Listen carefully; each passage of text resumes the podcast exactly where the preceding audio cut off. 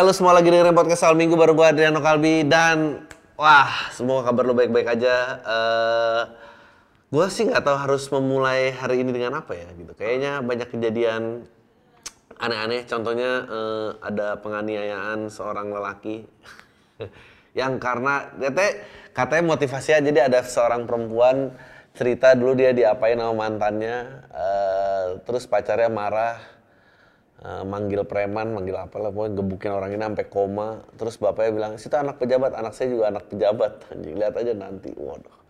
Terus yang parahnya lagi adalah ternyata bapak dari anak itu adalah orang uh, keuangan yang tidak taat pajak ternyata. Jadi langsung dipecat. Ketawa nama Sri ini anjing. Ini semua berasal dari cuma seorang lelaki yang seleka nanya kalau pacaran, kalau kamu mantan kamu udah ngapain aja. dari situ ke mana-mana. Dia tidak terima dengan jawabannya. Lalu nyuruh orang dan dia dia bawa apa? Bawa dua orang ya? Bawa dua orang buat gebukin itu ya? Bawa berempat coba berempat untuk gebukin. Ya ampun berempat untuk lawan satu orang udah jatuh. Terus tuh banyak gilanya juga kan gara-gara si cewek itu juga ngerekam kejadian itu terus ternyata ada instastorynya udah terkapar di tanah. Aduh yang gini, pertama gak usah tanya. kamu mantan kamu udah ngapain aja. Karena ya kayak nemu duit di jalan aja ya. Lu kan gak pernah nanya itu masa lalunya gimana tuh duit. Udah bawa pulang aja udah. Karena emang lecek gak lecek ya nilainya sama aja. Anjing, this is one of my first joke in my comedy career tau gak lo? Uh, ya sekarang pertanyaannya adalah mendingan dapet dua puluh ribu alus apa seratus ribu lecek gitu. Jadi kan bukan masalah kondisinya, tapi masalah value-nya dong ya. Sekarang gara-gara ada satu orang nggak terima jadi berantem semua orang bapaknya minta-minta maaf. Iya, terus yang bapak satu, iya saya terima maafnya tapi proses hukum udah berjalan. Ya udah gitu ketahuan tidak taat pajak. Ya ampun. Banyak tuh jok-jok lama gua keluar. kenapa tidak pentingnya lapor pajak? Kalau udah dipotong, udah diterima, kenapa jadi saya yang lapor? Negara dong lapor ke saya itu pajak dipakai buat apa aja? Kenapa kebalik? Duit saya udah diambil. Enggak, tapi gue juga bingung adalah kenapa kalau mau nyamperin laki-laki aja sekarang harus bawa banyak orang gitu. Kayak kenapa nggak satu lawan satu aja? Emang eh, jawabannya tau nggak apa? Karena sekarang udah nggak ada yang bisa bela diri. Jadi kalau mau gebukin orang maunya rame-rame. Kalau memang berani mas satu lawan satu lah. Dan itu juga kali digebukin orang diem aja. Maksud gua belajarlah tough sedikit. Gadget nih. Kayak emang bela diri tuh udah gak populer soalnya ya. Emang eksistensi tuh cuma dari sosial media gitu jumlah followers. Dulu tuh dulu tuh punya rekor bandel gitu pernah pernah mukul orang atau ada yang cedera itu tuh emang ada respect yang keluar dari situ. Dan orang tuh takut sama kayak gituan gitu. Dan sekarang apa coba? Apakah followers lo akan melindungi lo? Kan enggak. When it comes down to face to face apa disagreement ya lo mau nggak mau pasti pukul-pukulan sih. I know gue kedengerannya kayak kebanyakan dengerin Andrew Tate tapi orang itu bener gitu. Maksudnya anjing udah banget. Gue tuh kalau ngomong-ngomong kayak gini baru sadar kayak anjing betapa jauhnya dunia ya. Kayak gue dulu pernah ngalamin di Palak and then uh, nguber orang rame-rame uh, terus di Palak nggak cuma di Palak preman ya di Palak kakak kelas pernah di jejer um, semua yang sifatnya traumatik gitu kayaknya. Tapi kayak gue bukannya oh lu mentang-mentang udah tua sosok ya apa apa bisa aja cuma viral. Lagi juga tuh si bapaknya goblok banget sih kenapa minta maaf. Kalau gue sih menurut gue bapak itu jangan ngasih permintaan maaf ya. Menurut gue bapak itu mestinya nempeleng anaknya aja sambil direkam lihat nih pak udah saya gaplok sih Emang dasar goblok. Mesti kayak gitu. Ngapain dia minta-minta maaf ke orang tua lain? Gak usah, gaplok aja. Dan itu pose anaknya ditahan ya, anjing itu sepaknya, muka masih dangak kayak gitu ya ampun. Dia belum tahu kerasnya penjara. Lu pikir lu tuh keren apa? Coba tolong ntar eh, ada yang moto anaknya lagi setelah masuk penjara ya kayak apa gitu. Eh, belagu banget lagi. Padahal juga anaknya ya udah gue kira beneran, namanya beneran Brompton ternyata cuma bawa Brompton. Goblok. Nah tapi yang parah adalah yang lucu gini. Gua gua lucu karena eh, gue tuh kan nggak pernah suka sosial media, yet sosial media tuh terus mendapatkan validasinya dalam cepat tanggap menyelesaikan kasus. Karena menurut gue banyak banget kasus yang nggak mau diselesaikan karena itu nggak viral gitu, nggak diganggu masyarakat dan mungkin emang caranya begitu kali harus diviralkan biar eh, semua orang tuh terganggu gitu. Nah eh, kalau terganggu pihak berwajibnya jadi mau nggak mau bergerak. Eh, ini saking semua pihak tidak mau terasosiasi dia bilang kayak si anak itu alumni bilang ini anjing itu sampai sekolahnya mengeluarkan statement anak itu bukan alumni sekolah kita. Dia pernah bersekolah satu tahun tapi pindah ke orang lain. Anjir. Gue tuh kadang-kadang penasaran kalau gue jadi kepala sekolah yang di tempat itu terus kayak pak gawat nih pak. Anaknya pernah bersekolah di sini ngaku alumni kita. Kasusnya udah viral banget kita harus kasih tanggapan pak. Ya, biarin aja. Kayak ada yang peduli kayak bakal ada yang nyamperin. Sekolahnya anjing nih sekolah lo menerbitkan alumni alumni seperti itu emang dong semua si akhirnya Menku copot tugas jabatan struktural gila Enggak, yang lucu adalah kenapa bapaknya dia nggak taat pajak itu baru ketahuan setelah kasusnya viral gitu. Sebelum viral ke mana aja? Kan korupsinya udah lama dong pasti kan? Kenapa baru sekarang?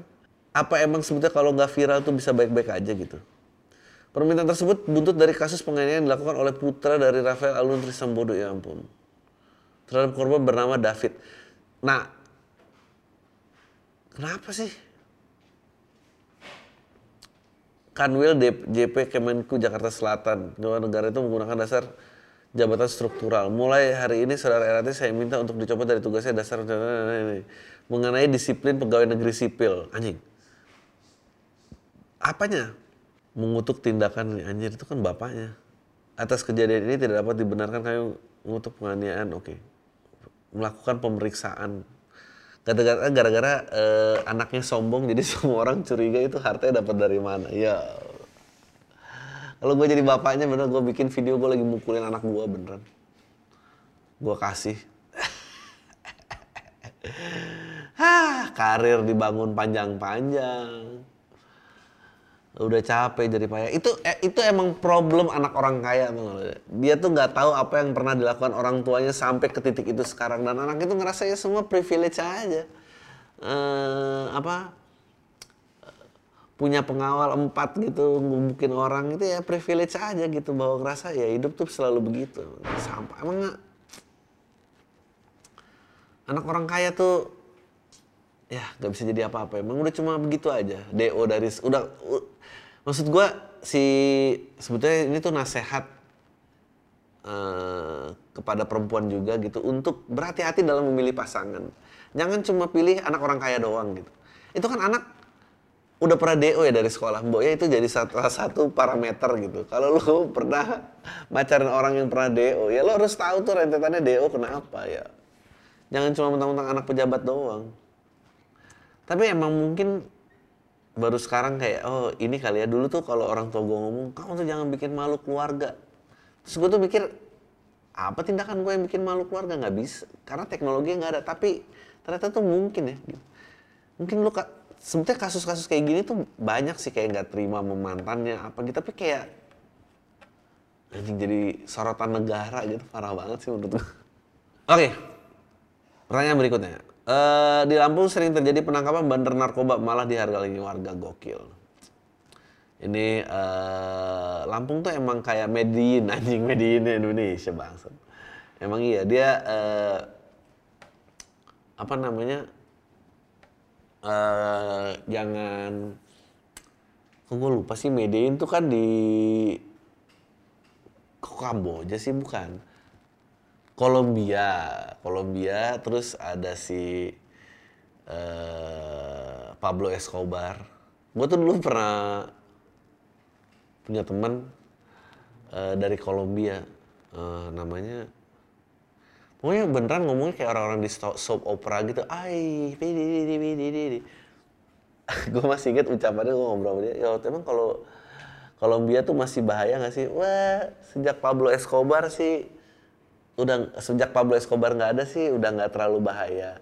But in Colombia, you can always ask someone that knows someone how to kill people. Anjing, gue kayak lu selalu di dalam satu pertemanan geng tuh selalu ada orang yang kenal orang lain buat bunuh orang anjing. Itu itu berarti bahaya banget. Orang-orang tuh yang suka komplain Indonesia kayak apa tuh menurut gua lu belum pernah ke Manila, lu belum pernah ke Medellin nih, Kolombia, lu belum pernah ke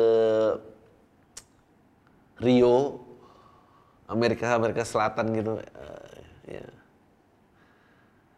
Eh, sama kemarin ada gue nonton, gue lupa siapa. Kayaknya guru gembul deh. Eh, kayaknya guru gembul. Namanya orang itu guru gembul kan. Nggak tahu namanya masih sama apa enggak kalau dia udah berhasil dietnya. Tapi dia cerita tentang eh, biasanya perbedaan sosial kelas Indonesia itu kan bentuknya piramid gitu.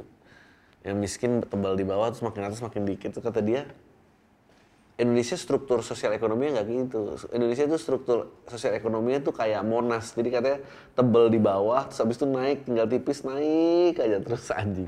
Dan itu bener.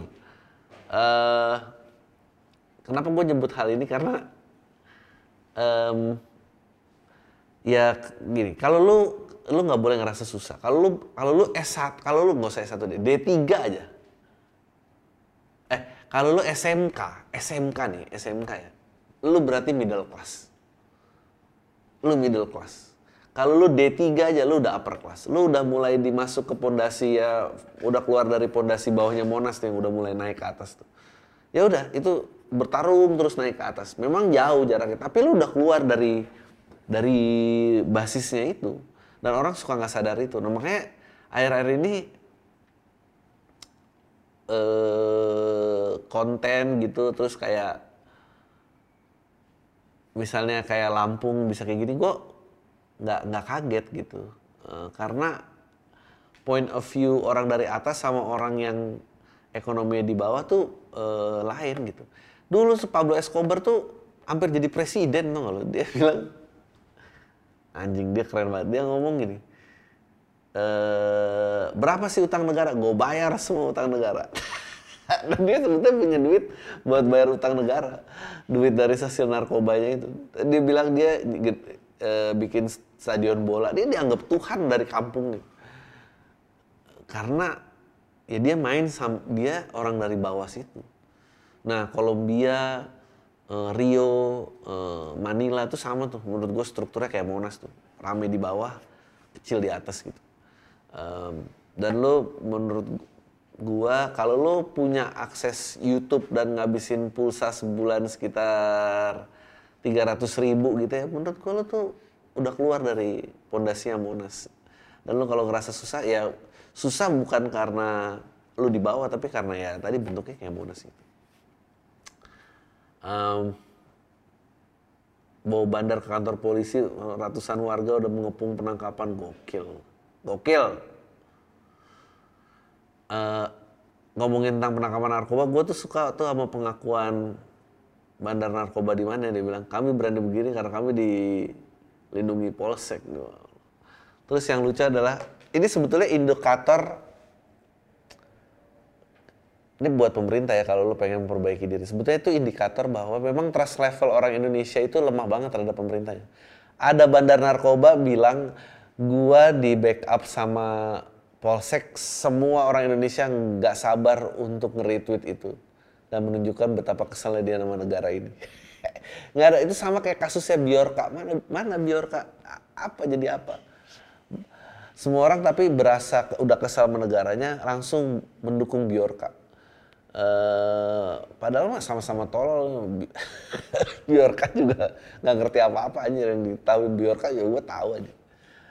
Ya ya itu tapi ya udah emang orang udah nggak trust aja. ada Biorka semua ini gue ngeliat Biorka kayak ya anak kecil yang baru bisa baru kebanyakan baca buku aja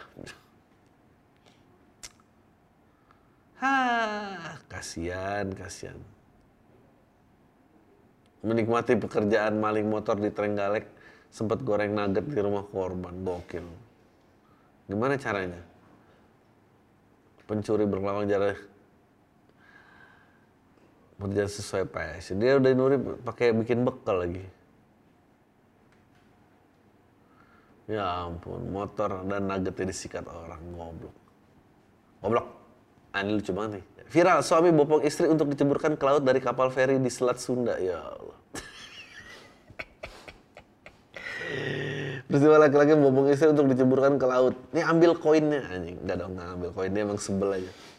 Uh, ada peristiwa Kenapa dia harus bopong sih? Kenapa dia dan dia pernah merak menuju ke Bakahuni? Kenapa dia bilang, ayo kita ke Sumatera liburan? Kenapa nggak gitu aja? Kenapa harus dibopong gitu?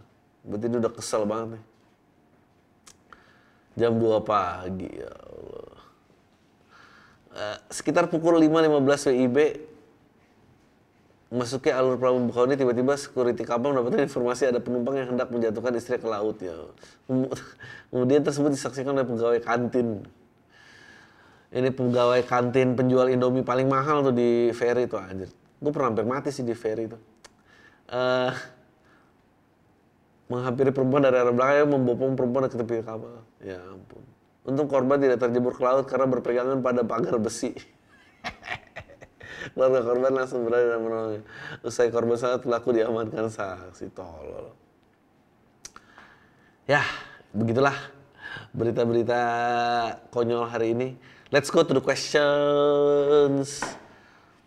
Uh, buat yang pengen email pertanyaan, uh, apa kirim aja ke podcastalminggu@gmail.com. Langsung. Dok Adri mohon banget. Gua umur 24 tahun gua pengen nanya satu hal yang pengen gua paling struggle di umur-umur segini. Gimana caranya bisa nyaman being vulnerable sama orang, ha? Gua nggak tahu ini tanya sekolah apa enggak. Gara-gara isu gue belum pernah in relationship sampai sekarang. Ya ampun.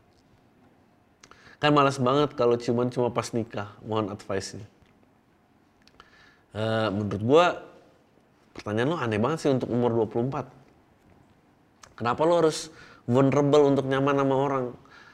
Gua rasa cewek itu emang gak suka malu aja sih. Ntar lo malah malu dua kali, udah nangis ditolak juga. Jadi mendingan gak usah nangis. Cari cewek yang mau nerima lo nggak pakai nangis aja kenapa? Kalau diterima juga terimanya cuma karena kasihan. Kenapa harus vulnerable sih? Kenapa nggak yang lain gitu? Coba belajar bela diri gitu. Yang cari cewek yang kalau lu mukul orang dia ikut ngiler gitu. Jangan jangan cari cewek-cewek yang mau nampung kesedihan lagi gitu yang nggak nggak ke mana-mana.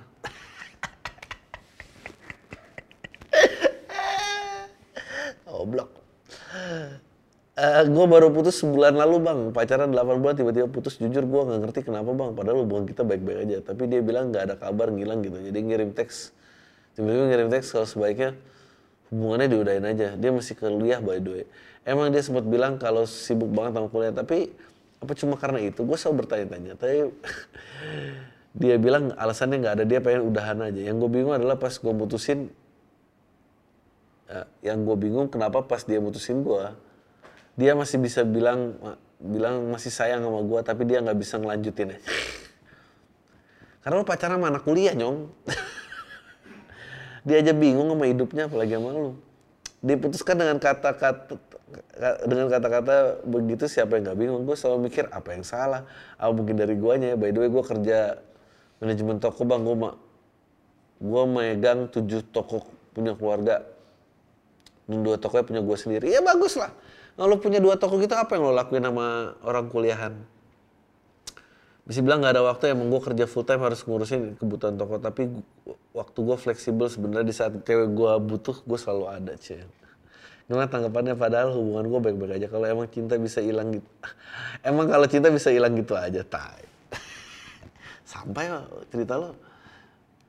Uh, menurut gue emang dia nggak suka sama lo, kedua menurut gua susah lo kalau lo udah kerja terus lo pacaran sama yang masih kuliah gitu. Kecuali lo emang pacaran sama-sama dari kuliah ya.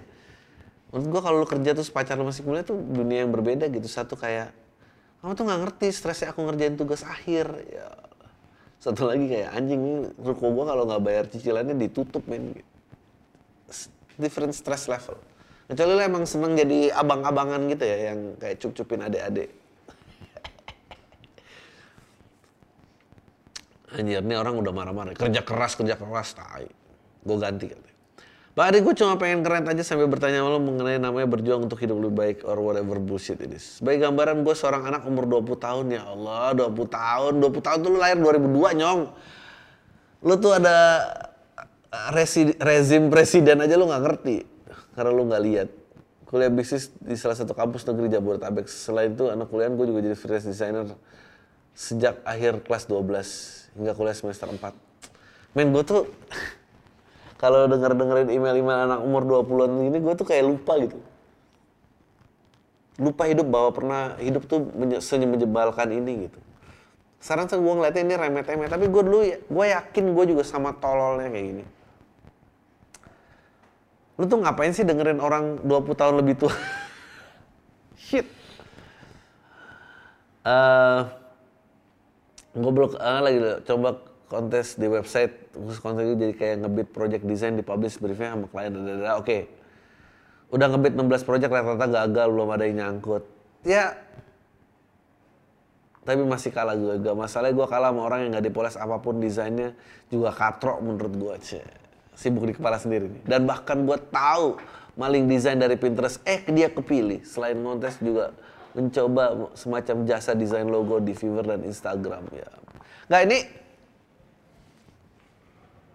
gue kemarin baru ngomongin juga di Happy Broken Family. Kayaknya banyak fakta-fakta yang ada hal-hal yang bisa diubah, ada hal-hal yang nggak bisa diubah, nggak bisa diubah. Dan semakin cepat lo bisa menerima itu, semakin cepat juga lo bisa mengimprove hidup lo.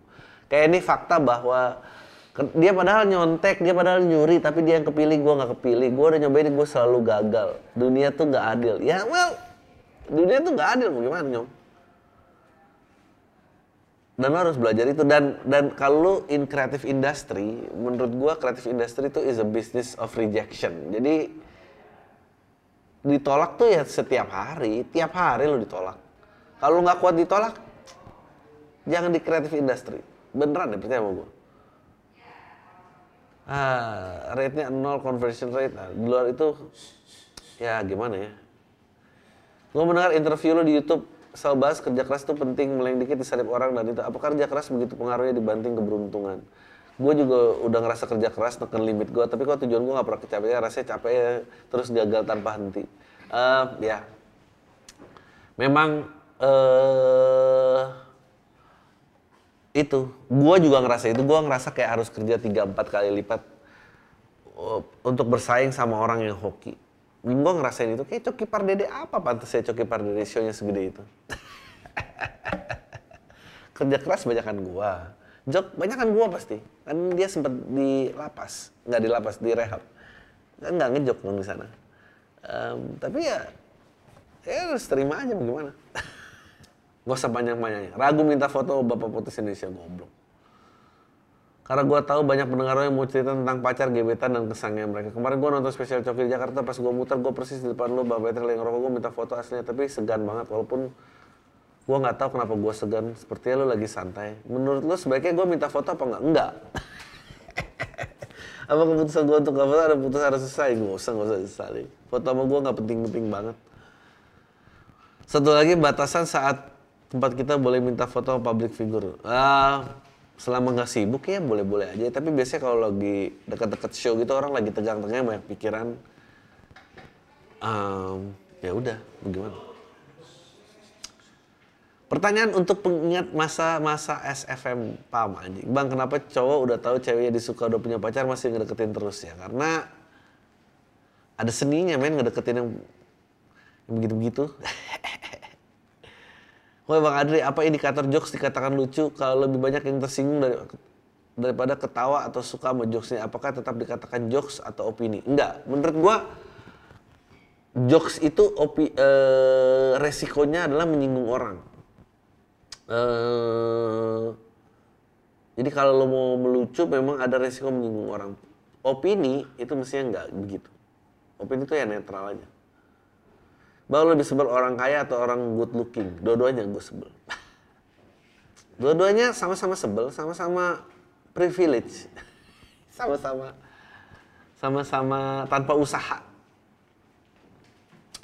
Bener gak sih bang omongan cowok yang bilang kalau dia nggak punya kriteria suku, ras, dan warna kulit tertentu padahal itu kan identik sama ciri-ciri fisik yang mana cowok itu makhluk visual? Uh, yes and no. Uh, gue kayak kalau preferensi ras gitu kayaknya pasti ujungnya porno ya. Kalau enggak ya apa nggak punya karena ya lu pengennya orangnya ujungnya asik aja sih Thanks sudah jawab kangen sesi SFM dulu aja. Lucu banget. Oke, terakhir nih.